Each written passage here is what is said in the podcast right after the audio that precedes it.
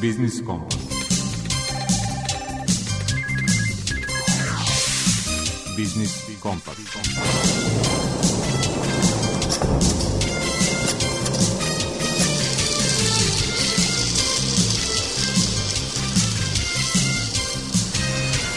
Pred mikrofonom je Đuro Vukilić. Dobar dan poštovani slušalci i pre svega zdrava vam srećna i beričetna nova godina. Prvo ovogodišnje izdanje Biznis Kompasa bit će drugačijeg formata. Umesto stalnih rubrika pokušat ćemo da kroz razgovore sa ekonomistima, političarima i privrednicima izanaliziramo prošlu i nagovestimo dešavanja u ekonomskoj 2022.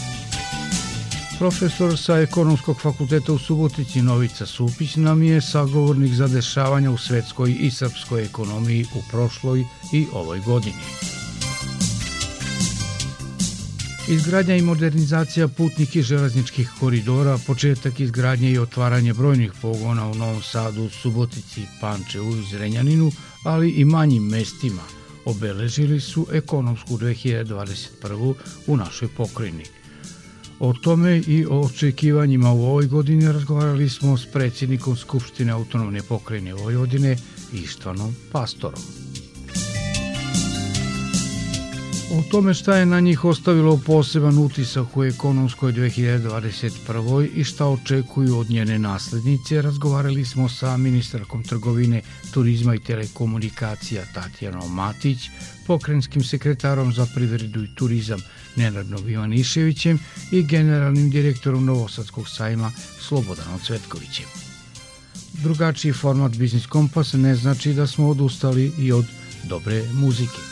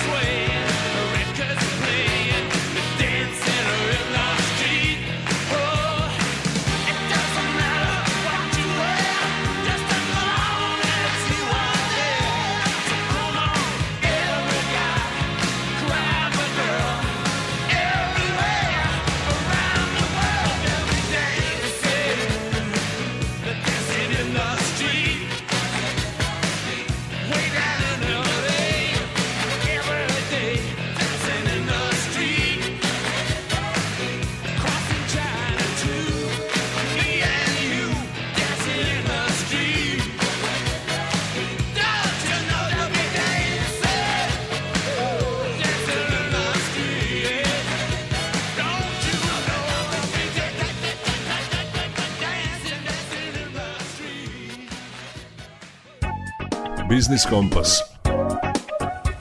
Ekonomska 2021. protekla je između optimizma zbog stvaranja anti-covid vakcine, opreza zbog novih sojeva i na kraju zatvaranja pojedinih regiona i država. Drugu polovinu godine obeležili su nestašiće i rekordno poskupljenje energenata, odnosno ponovo buđenje inflacije. Profesora sa ekonomskog fakulteta u Subotici Novicu Supića pitali smo šta je od svega ovog ponajviše obeležilo ekonomsku 2021. Ako bi morao da biram šta je najviše obeležilo 2021. godinu na ekonomskom smislu, na prvo mesto bi stavio globalnu inflaciju. Naime, danas se većina ekonomija u svetu sočava sa porastom nivoa cena, čak i kada se inflacija meri kroz bazičnu inflaciju, što podrazumeva da se iz obračuna inflacije isključi porast cene hrane i cene energenata. Tako danas u Sjedinje američkim državama je stopa inflacija veća nego što je bila u poslije tri decenije. Kada je reč o eurozoni, danas stopa inflacije u eurozoni je dva puta veća nego što je ciljna stopa inflacije, a u Srbiji je takođe stopa inflacije dva puta veća nego što je ciljna inflacija. Zašto je globalna inflacija problem? Iz razloga zato što kada imamo visoku i rastuću inflaciju, tada dolazi do pada realnih dohodaka. U vezi sa pojavom globalne inflacije želim da istaknem da je porast nivoa cena bio očekivan, ali nije bio očekivan u tolikom iznosu.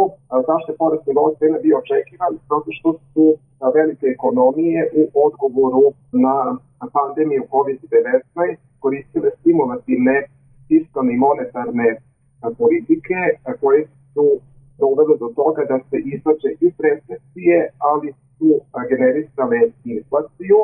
Poslednji dana svedočimo rastu cena energenata i rekordnim visokim cenama električne energije i gasa. Imaju li vodeće ekonomije racionalan odgovor na izazove energetske krize, a i preteće finansijske krize o kojoj ste malo čas govorili? U vezi sa energetskom krizom želim da istaknem da je tu malo prostora za vlade kako da reaguju. Naime, mi smo bili svedoci da je u 2021. godini došlo do energetske krize u smislu da su cene uglje i prirodnog kasa dostigle svoje istorijske maksimume, koji su činioci doveli do toga da dođe do visokih cena uglje i prirodnog gasa. Na prvom mjestu to su klimatske promene Naime, danas smo svedoci da leta postaju sve teplija, a zime postaju sve hladnije. Tako, u 2021. godini su zabeležene rekordno visoke temperature u letnim mesecima, što, su, što je uzrokovalo da se naglo poveća potrošnja električne energije koja je bila potrebna za rasređivanje prostorija, a istovremeno visoke temperature u toku leta su smanjile proizvodnju hidroenergije. Drugi činilac jeste dekarbonizacija, naime, vodeće ekonomije sveta suočene sa ekološkim problemima su započele proces da se u proizvodnji energije manje koriste prljava goriva. Tu pre svega mislimo na Kinu koja je najveći svetski proizvođač uglja i najveći svetski potrošač uglja i kao poslednji faktor koji je doveo do veće traže nego što je proizvodnja električne energije jeste oporavak svetske ekonomije od globalne recesije. Takođe trebalo bi napomenuti u vezi sa porastom cene energenata, a to je da kada raste cene energenata, tada se generišu i inflatorni pritisci, koji su mogući odgovori vlada na energetsku krizu. Većina vlada deli u pravcu zaštite potrošača, što je politički popularna mera, što će stvoriti proces prelaska sa prljavih goriva na čistija goriva. Mi smo doći danas da veći broj zemalja koje su odustali od korišćenja uglja proizvodnje električne energije, odmah se vraća proizvodnje električne energije iz termoelektrana. Takođe, jedan od odgovora je ad hoc intervencija, to je da se koriste strateške rezerve nafte kako bi se sprečio dalji porast cene energenata. Međutim, ova mera je nije mera koja može u dugom roku da reši problem. Na osnovu toga, što sam rekao, možemo da zaključimo da energetska kriza sa kojom se suočavamo će biti prisutna i u narednom periodu kada je reč o potencijalno novim recesijama i tu vlade su suočene sa manjkom mera kako da reaguju. Naime, kada je nastupila COVID-19 recesija, kako su reagovale vlade, tako što su prvo koriste konvencionalne mere ekonomske politike. Kada se ekonomija stočava sa recesijom, tada vlade i centralna banka koriste stimulativnu fiskalnu i monetarnu politiku. Međutim, problem nastaje kada primjena konvencionalnih mera ne daje očekivane rezultat, kada se smanje kamatne stope i kada se poveća javna potrošnja, a nemamo porast agregatne tražnje vlada koristi kao nekonvencionalnu meru takozvani helikopterski novac, što podrazumeva da vlada neposredno distribuira novac u privredu i stanovništvo. A šta je problem u korišćenju nekonvencionalnih mera, to je da se oni mogu koristiti kada je inflacija niska i kada je budžetski deficit održiv. U slučaju COVID-19 recesija to je da smo mi izašli iz recesije, ali da imamo inflaciju i da imamo budžetske deficite. Zbog toga, ako bi došlo do pojave e, nove recesije, tada centralne banke i vlade ne bi imali odgovor.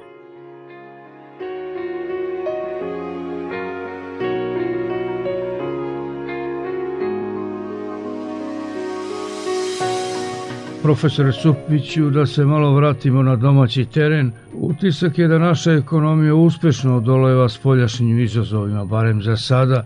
Kada govorimo o relativno dobrim rezultatima srpske ekonomije za vreme COVID-19 recesije, treba imati u vidu strukturu srpske ekonomije. Naime, u strukturi naše ekonomije malo je učešće onih privrednih sektora koji su u najvećoj meri bili pogođeni COVID 19 pandemije, tu pre svega mislim na avioprevoz i turizam. U vezi sa indikatorima koje ste pomenuli, a to je privredni rast javne financije, zatim strane direktne investicije, treba biti e, oprezan u tumačenju tih indikatora zato što oni u sebi prikrivaju strukturne probleme srpske ekonomije. Ono što možemo da primetimo kao podatak koji se ističe da naša ekonomija dobro funkcioniše jesu visoke stope rasta i zbilje je tako ako bi posmatrali stopu rasta bruto domaćih proizvoda, Srbija se nalazi na vrhu evropskih zemalja. Međutim, visoka stopa privrednog rasta u slučaju Srbije posledica niske polazne osnove. Ako bi napravili rangiranje evropskih zemalja prema visini bruto domaćeg proizvoda, tada bi se Srbija nalazila u posljednoj većini zemalja i ako bi napravili rangiranje evropskih zemalja prema visini bruto domaćeg proizvoda po glavi stanovnika mereno kroz jedinice pariteta kupovne moći, tada se Srbija nalazi na samom dnu liste evropskih zemalja. Samo pet zemalja u Evropi ima niži nivo životnog standarda poređeno sa Srbijom. U vezi sa a, javnim a, financijama, ono što je problem naših javnih financija jeste visok nivo javnog duga. Znači javnog duga bruto domaće broj u Srbiji se procenje na oko 60%. Da li je to puno ili malo?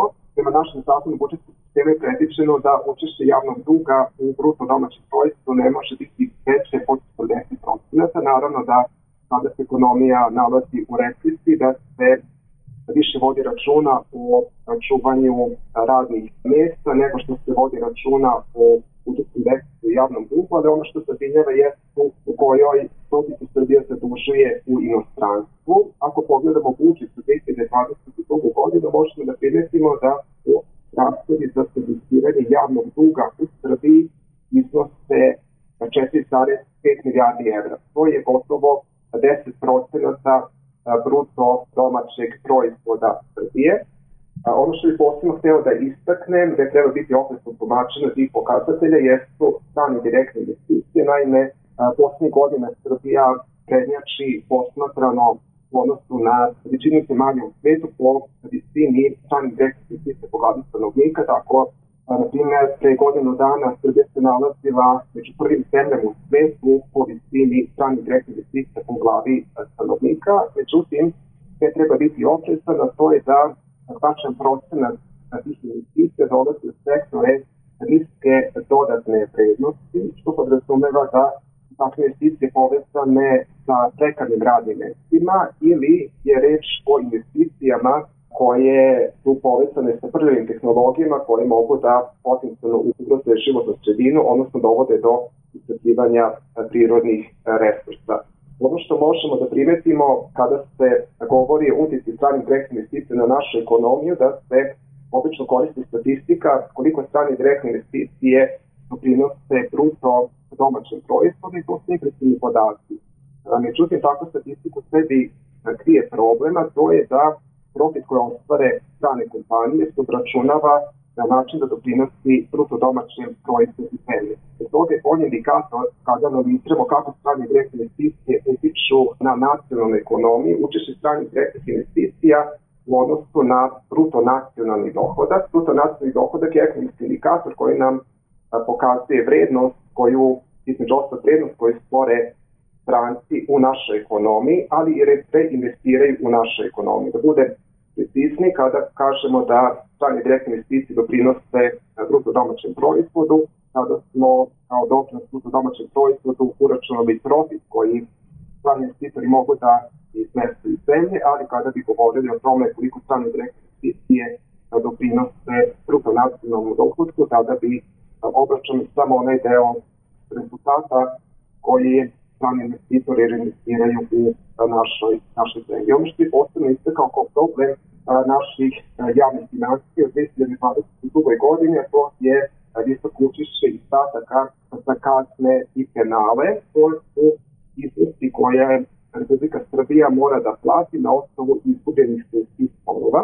Prema podacima Fiskalnog saveta u 2022. godini Republika Srbija će biti u obavezi na ime kazne i penala da isplati iznos od oko 280 miliona evra. To su izdaci koji su veći nego što su izdaci za nauku ili za oko 100 miliona evra su veći izdaci nego što su izdaci za ekologiju. Dakle, šta bi bila moja sugestija, na koji način da se deluje, da se poveća efikasnost naših javnih financija, to je da se izbjegnu situacije da zbog lošeg upravljanja javnih financija se moraju plaćati kazne, kazne penale.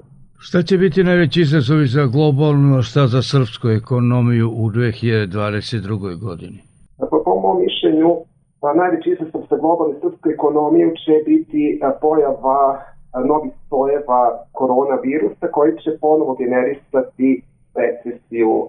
Mi smo se kao globalna ekonomija, kao naša ekonomija izašli iz prve COVID-19 recesije kao rezultat primene stimulativne politike, kao što sam rekao na početku ovog razgovora, stimulativne fiskalne i monetarne politike su dobro do toga da se izači iz recesije, ali su generisali inflaciju i generisali su porast nivoa budžetskog deficita i javnog duga. I ako se pojave ovi nova COVID-19 recesija, jako su ograničene mogućnosti kako da reaguju vlade i centralne banke, budući da se stimulativne politike kojima se ekonomija izvači iz recesije ne mogu koristiti u okolnostima kada imamo inflaciju, kada imamo visoke budžetske deficite, da se ne generišu drugi problemi u ekonomiji. Sigurno najveći izazov će biti pojava novih pojava virusa i pokušaj centralnih banaka i vlade da se steći recesija, a da se ne generišu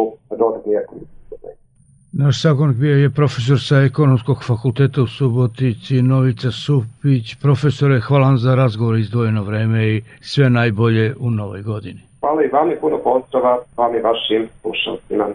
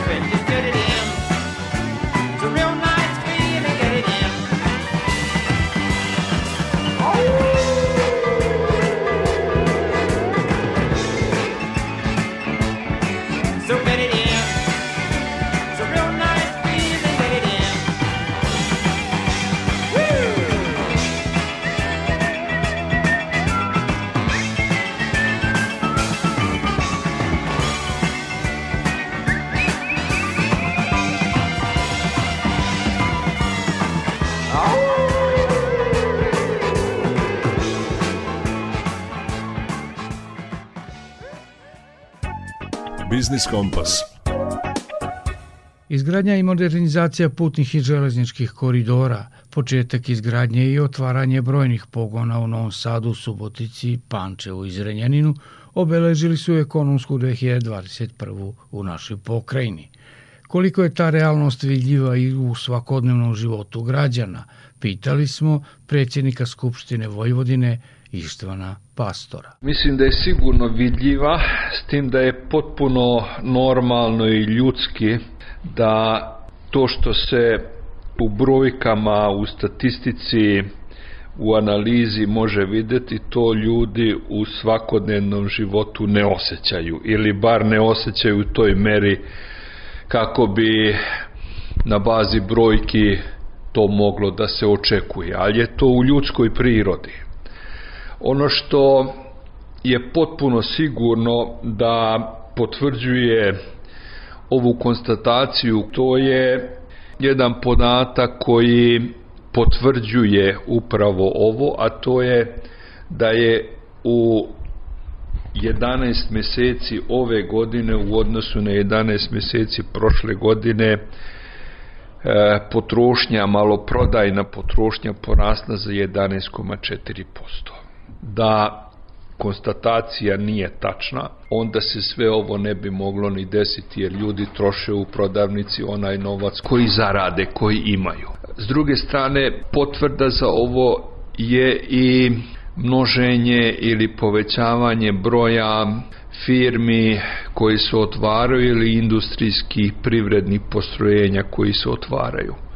Mislim da je u proteklim godinama jedna permanentna tendencija uspešnog privlačenja kapitala, pojavljuju se dosta velike firme u industrijskim zonama Novog Sada, Subotice, Zrenjanina i nekih drugih gradova. Ima tu belih mrlja, e, gde bi jako, jako bilo bitno da isto tako dođu investitori da se otvore radna mesta, ali je to jedan proces koji ima svoju logiku, koji ima svoje zakonitosti i ja očekujem da će se ovaj proces nastaviti i da će recimo i u Sečanj i u Novi Kneževac i u Čoku i u ostale rubne delove malo zaostalije sigurno e, isto tako stići kapital. Tako da u, sve u svemu mislim da je konstatacija s jedne strane tačna, s druge strane mislim da su generalni pokazatelji ukupnih privrednih aktivnosti, kondicije privrede i Srbije i Vojvodine danas takvi da to pozitivno možemo konstatovati ili prihvatiti, znači to imajući u vidu ono što nam se bilo desilo u protekli godine, godine i po dana sa pandemijom, sa padom ukupnih društvenih aktivnosti. Mislim da je vlada Republike Srbije zajedno sa svim ostalim činiocima očito pronašla efikasna sredstva ekonomske politike i generalno politike da se pruži podrška za što brže oživljavanje privrede. Na teritoriji Vojvodine izgrađena je moderna dvokolosečna pruga od Beograda do Novog Sada, nastavlja se izgradnja trase prema Subotici, a počela je izgradnja Fruškogorskog koridora, takođe očekujemo i brzu saobraćajnicu od Sombora do Kikinde. Koliko ovakvi projekti doprinose valorizaciji ekonomskog potencijala pokrajine? Pa mislim da je to strašno važno s jedne strane zbog nas sami koji ovde živimo, zbog ljudi koji ovde žive, da su uslovi života, da je ukupan društveni komfor bolji, da su razdaljine savladivije, da je prokrvljenost e, bolja, sve to praktično donosi razvoj ovih veoma značajnih infrastrukturnih ideja o nekima od njih se veoma dugo govori i dugo se planiraju ali je došlo u zadnjih nekog godina do ubrzanja u realizaciji, pa zahvaljujući tome imamo započete radove u ovoj godine na Fruškogorskom koridoru.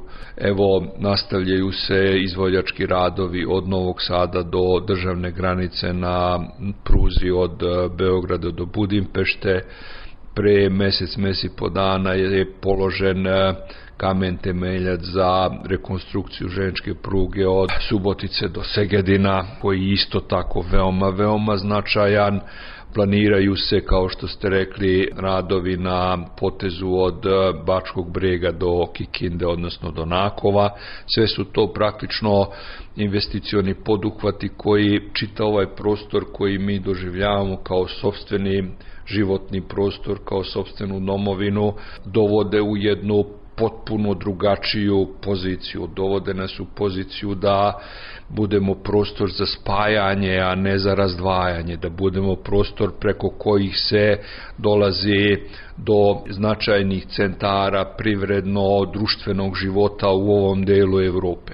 S druge strane, ta okolno što nismo deo Europske unije, pored toga što ima ili nosi nedostatke, ima i određene prednosti. Zahvaljujući tim prednostima se pojavljuju tu veoma značajni investitori čiji su kupci na 100-200 km, 250 km, znači dostupni u jednoj smeni da ih mogu snabdeti ovde proizvedenim komponentama ili poluproizvodima, jer su dobavljači recimo autoindustrije u Mađarskoj ili u Slovačkoj.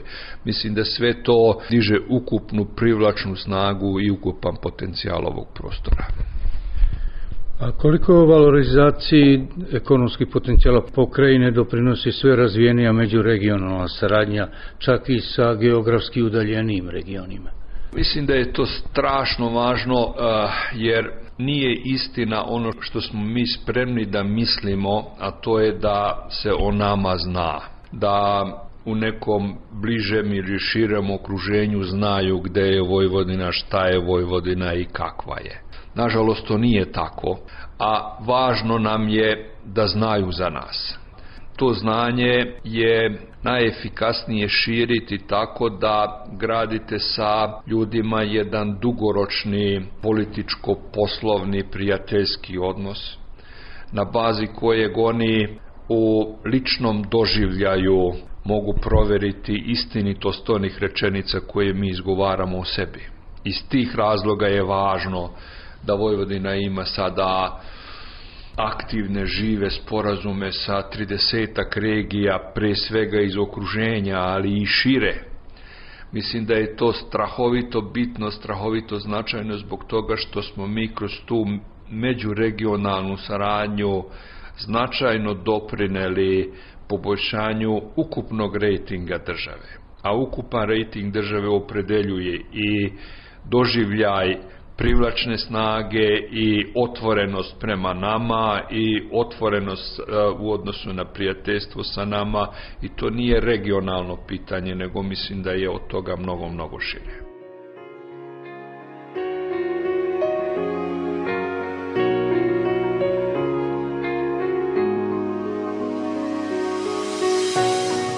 Utisak je da se prirodna slika Vojvodine poslednjih godina menja na način da na značaj dobijaju IT automobilska industrija, pa čak i turizam. Mogu li ti sektori uz modernizaciju poljoprivrede koja je vekovima ključna za nas da doprinesu bržem ekonomskom razvoju? I mogu i moraju sigurno će. Dve su tendencije u odnosu na poljoprivredu. Jedna je stalno povećavanje prinosa i promena kultura, s jedne strane, s druge strane pad vrednosti učešća poljoprivrednih proizvoda u ukupnom GDP-u. Na prvi pogled je to nelogičnost, ali nije zbog toga što ostale grane veoma brzo se razvijaju, pa u relativnom odnosu poljoprivrede industrije ili drugih privrednih grana imamo taj pad vrednosti poljoprivrednih proizvoda u ukupnom produktu privrednih aktivnosti. Mislim da lagano agrar dolazi na onaj procenat eh, koji je uobičajen u razvijenim privredama tu negde oko 4-5%. Ono što mislim da je strašno važno što ste u pitanju i dotakli reindustrializacija Srbije i Vojvodine, dolazak novih industrijskih postrojenja, svet se u proteklim decenijama promenio, tehnologija se promenila, proizvodi su se promenili, proizvodne i standardi su se isto tako promenili, iz tog razloga je veoma značajno da, da se nastane ovde oni koji su vlasnici koji su u posjedu tih tehnoloških znanja, tih tehnoloških standarda, koji imaju tržište, koji mogu tu praktično kao veliki doći, a istovremeno dovući svoje komponentaše, svoje dobavljače to daje nekakav poseban smisao za izgradnju industrijskih parkova i širenje tih industrijskih parkova, naročito u velikim centrima. Kada govorimo o, o industriji, ono što vidimo da se ceni industrijsko iskustvo ovog prostora. U proteklih stotina godina mi smo nakupili strahovito puno tog iskustva, to nam je u genima. Nisu tu više te generacije, ali je to deo naše svesti.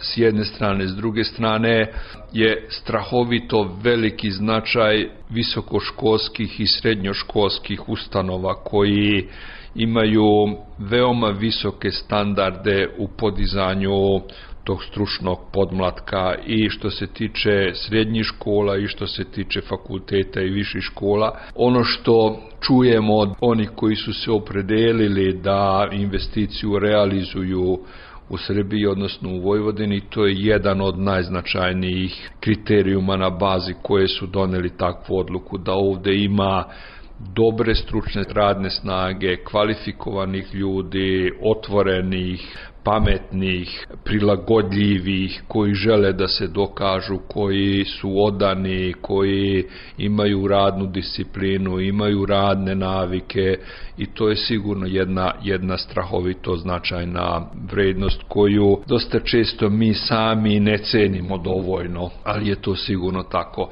Evo pre desetak dana kada su Japanci Nidek položio kamen temelje za svoju fabriku koju će u pet različitih etapa graditi u predstojećem periodu na otprilike stotinjak hektara sobstvenog industrijskog parka koji želi da napravi ovde u Novom Sadu, upravo su govorili o tome. I dolazak jedne takve velike fabrike, koja je jedna od najvećih proizvodjača elektromotora u svetu, daje jedan eruptivni podstrek za razvoj privrede i za razvoj ukupnog društva. Da se još malo pozabavimo budućnošću. Gospodine pastore, šta bi kao ekonomski prioriteti trebalo da budu deo plana razvoja autonomne pokrene Vojvodine do 2030. Dokumenta čija je izrada u toku? Mislim da s jedne strane treba jačati ove započete procese kroz e, gradnju te industrijske infrastrukture, investicione infrastrukture i tu mislim na te naučno-tehničke parkove, na industrijske parkove, ali isto tako je strahovito značajan razvoj e, saobraćaja i transporta. Veoma je bitno da prilagodimo sistem obrazovanja, pretpostavljenim potrebama privrede. Ono što mislim da je od neprocenjive važnosti to je politička stabilnost ovog prostora. Tamo gde je politička nestabilnost, tamo ne voli dolaziti kapital. Ono gde je proračunljivo, ono gde je predvidljivo, tamo gde postoji stabilnost, to je taj ambijent u koji je mnogo jednostavnije ili mnogo efikasnije privući investitore. Mislim da je realno da dokažemo istinitost one tvrdnje da je Srbija sa izvanrednim geopolitičkim položajem, taj geopolitički položaj bi trebali valorizovati uz valorizaciju iskustva i spremnosti ljudi. Naš sagovornik bio je predsjednik Skupštine autonomne pokrajine Vojvodine Išton Pastor. Gospodine Pastore, hvala vam za razgovor i svako dobro vam želimo i mi u novoj godini. Hvala vam lijepo na mogućnosti, sve najbolje vam želim.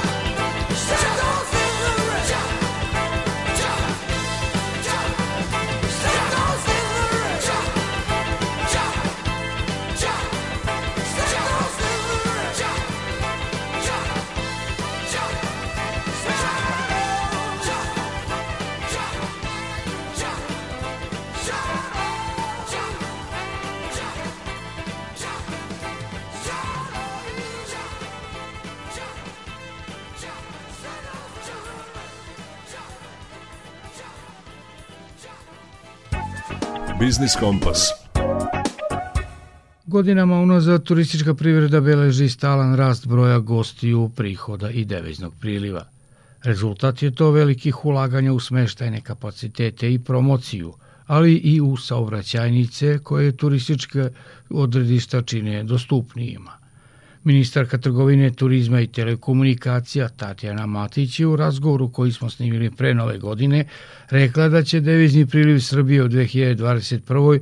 sigurno premašiti milijardu i 300 miliona evra, a to je samo stotinak miliona evra manje nego u rekordnoj 2019. Ovo je za nas u turističkom smislu bila jako dobra godina, iako je početak bio jako loš, imajući u vidu, ako se sećate, i broj zaraženih i činjenica da smo tek krenuli sa vakcinacijom, tako da ovaj kraj godine nam zaista pre svega vraća optimizam i nadu da će sledeća godina biti više nego odlična. Koliko je u novom budžetu obezbeđeno novca za vouchere, koliko za promociju turizma Srbije?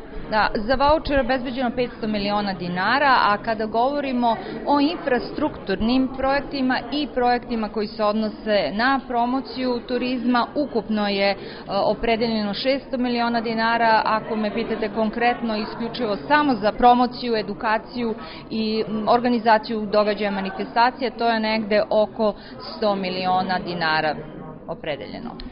Koja bi suma ukupnog prometa bio zadovoljila u narednoj godini? Pa u narednoj godini očekujem milijardu i po deviznog priliva. Mislim da je to realno imajući u vidu da je ove godine taj priliv bio tako veliki. Uprkos, kažem vam, činjenici smo imali ogroman broj zaraženih, da praktično ta sezona, januar, februar, mart je bila, možemo reći, loša. Imajući činjenicu takođe da smo opet imali e, jedan skok zaraženih e, u septembru, oktobru, evo sad konačno ponovo brojke padaju i danas smo opet skinuti sa liste e, zemalja, da kažemo crvene liste, tako da su sve to ohrabrujući podaci i imajući u vidu trend rasta, mislim da je to realno i da možemo to očekivati sledeće godine. Dosta se ulagalo u infrastrukturu, za razvoj turizma nije važno samo turistička infrastruktura, promocije, manifestacije. Za razvoj turizma od ključnog značaja je razvoj putne infrastrukture. Bez toga vi ne možete govoriti o velikom i ozbiljnom razvoju turizma, tako da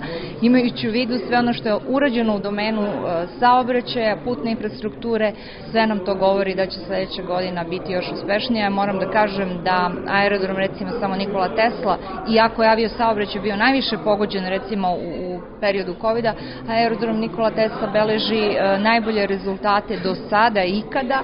Interesantno, e, operator e, kompanija francuska Vansi koja praktično upravlja aerodrom i koja ima još mislim 46 ili 48, oprostite, ne znam tačan broj aerodroma širom sveta kojima upravljaju, kažu da je Beogradski aerodrom bio na prvom mestu po broju putnika ove godine. Tako da, to su vrlo zanimljive činjenice analize, možemo da analiziramo zbog čega je sve to. Mnogo je bilo tu koraka koji su naravno doveli do toga u početku brza imunizacija stanovništva, nakon toga mi smo dozvolili da se strani građani vakcinišu u Republici Srbiji i to je sve očigledno doprinelo ovom dobrom, da kažemo, deviznom prilivu. Ne zaboravimo, dobili smo nagradu ove godine Svetske turističke organizacije za najbolje, jedno od najboljih sela u svetu. Takođe smo ušli u Mišelinov vodič gastronomski. Naših 14 restorana je prepoznato kao izuzetne gurmanske, odnosno gastronomske destinacije sve je to na kraju rezultiralo ovako dobrim, pri svega prihodima, posvećenošću, ali kažem sledeća godina će zato zapravo biti mnogo bolja.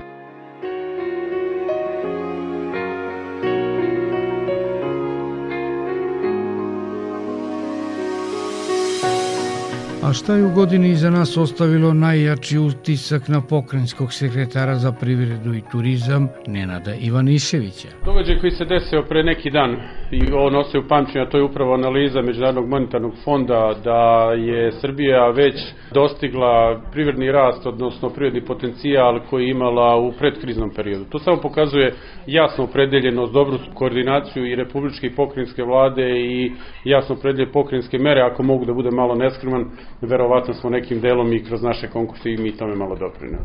će biti prioriteti u radu sekretarijata u 2022. Mi ćemo se truditi da što pre sredstva koja smo dobili na osnovu pokrenjske skupštine odluke o budžetu distribuiramo do partnera, to su pre svega ljudi koji se bave prirodom i turizmom, jer mislimo da je to veoma važno da bi još spremnije dočekali turističku sezonu koja će sigurno biti još uspešnija nego od 2021. godine.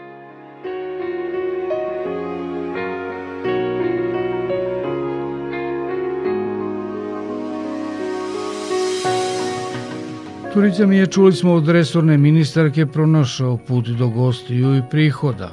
Reklo bi se po najmanje od kongresnog i sajamskog turizma. Ilustracije radi Novosadski sajam je zbog COVID pandemije i zdravstvenih mera uspeo da organizuje svega pet sajamskih manifestacija uživo i da zabeleži poslovni gubitak od 90 miliona dinara. Generalni direktor Novosadskog sajma Slobodan Cvetković najavljuje za 2022. ambiciozan sajamski kalendar koji će ispratiti i odgovarajuće zdravstveno bezbednostne mere. Plan za iduću godinu je dosta ambiciozan, napravili smo ozbiljan kalendar, sa sajmovima startujemo već u martu, uključujemo se pored onih standardnih sajamskih aktivnosti vezanim za međunarodnu sajam knjiga, Art Expo, sajam obrazovanja, učestvujemo ove godine u aktivnostima vezanim za Evropsku predstavnicu kulture 2020. Pre svega u programu Seobe duša koja će biti centralno organizovan na Novosadskom sajmu. Od 24. do 25. marta idemo odmah sa sajmom preduzetništva koji je prošle godine bio u online formatu, ove godine će biti u realnom prostoru. Od 8. do 11. aprila krećemo sa međunarodnom izložbom zlatarstva i časova nešto. Sjaj. Nakon toga nas čeka naša ključna i najvažnija sajamska manifestacija, to je e, Međunarodni poljoprivredni sajam, 89. po redu, koji će biti organizovan ove godine od 21. do 27. maja. Već sa oktobrom krećemo sa 54. Međunarodnim sajmom lova, ribolova i sajmom ekologije i sporta, on će biti od 28.9. do 2.10. Ono što je novina da neće biti u okviru toga i sajam turizma, jer smo ga izdvojili u poseban termin od 17. do 19 novembra i od 2. do 3. 11. imamo 11. međunarodne dane energetike i investicije. Znači to su, ajde da kažemo, ključni događaji koji su direktno u organizaciji Novosadskog sajma, a potrudit ćemo se da imamo i ovaj set ovih drugih događaja koje nismo samo mi direktno organizatori, nego nam u tome pomažu partneri.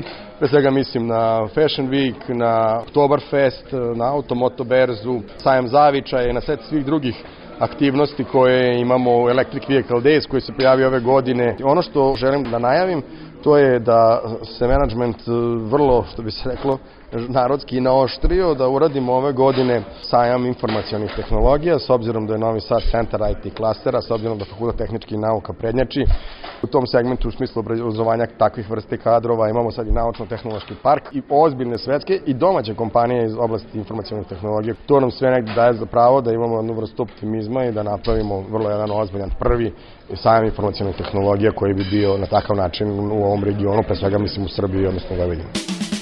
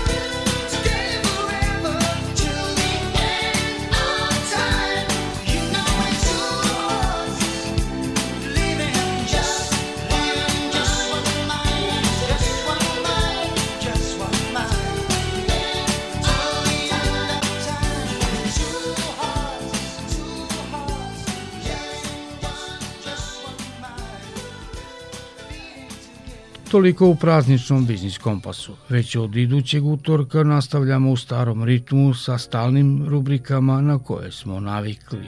Ova kao i prethodne emisije postavljene su i na internet stranici Radio Televizije Vojvodine podcastu Odloženo slušanje. Pozdrav od ekipe koju čine muzički urednik Zoran Gajinov, ton majstor Damjan Šarši i urednik emisije Đuro Vukelić. Zdravi bili i čuvajte se.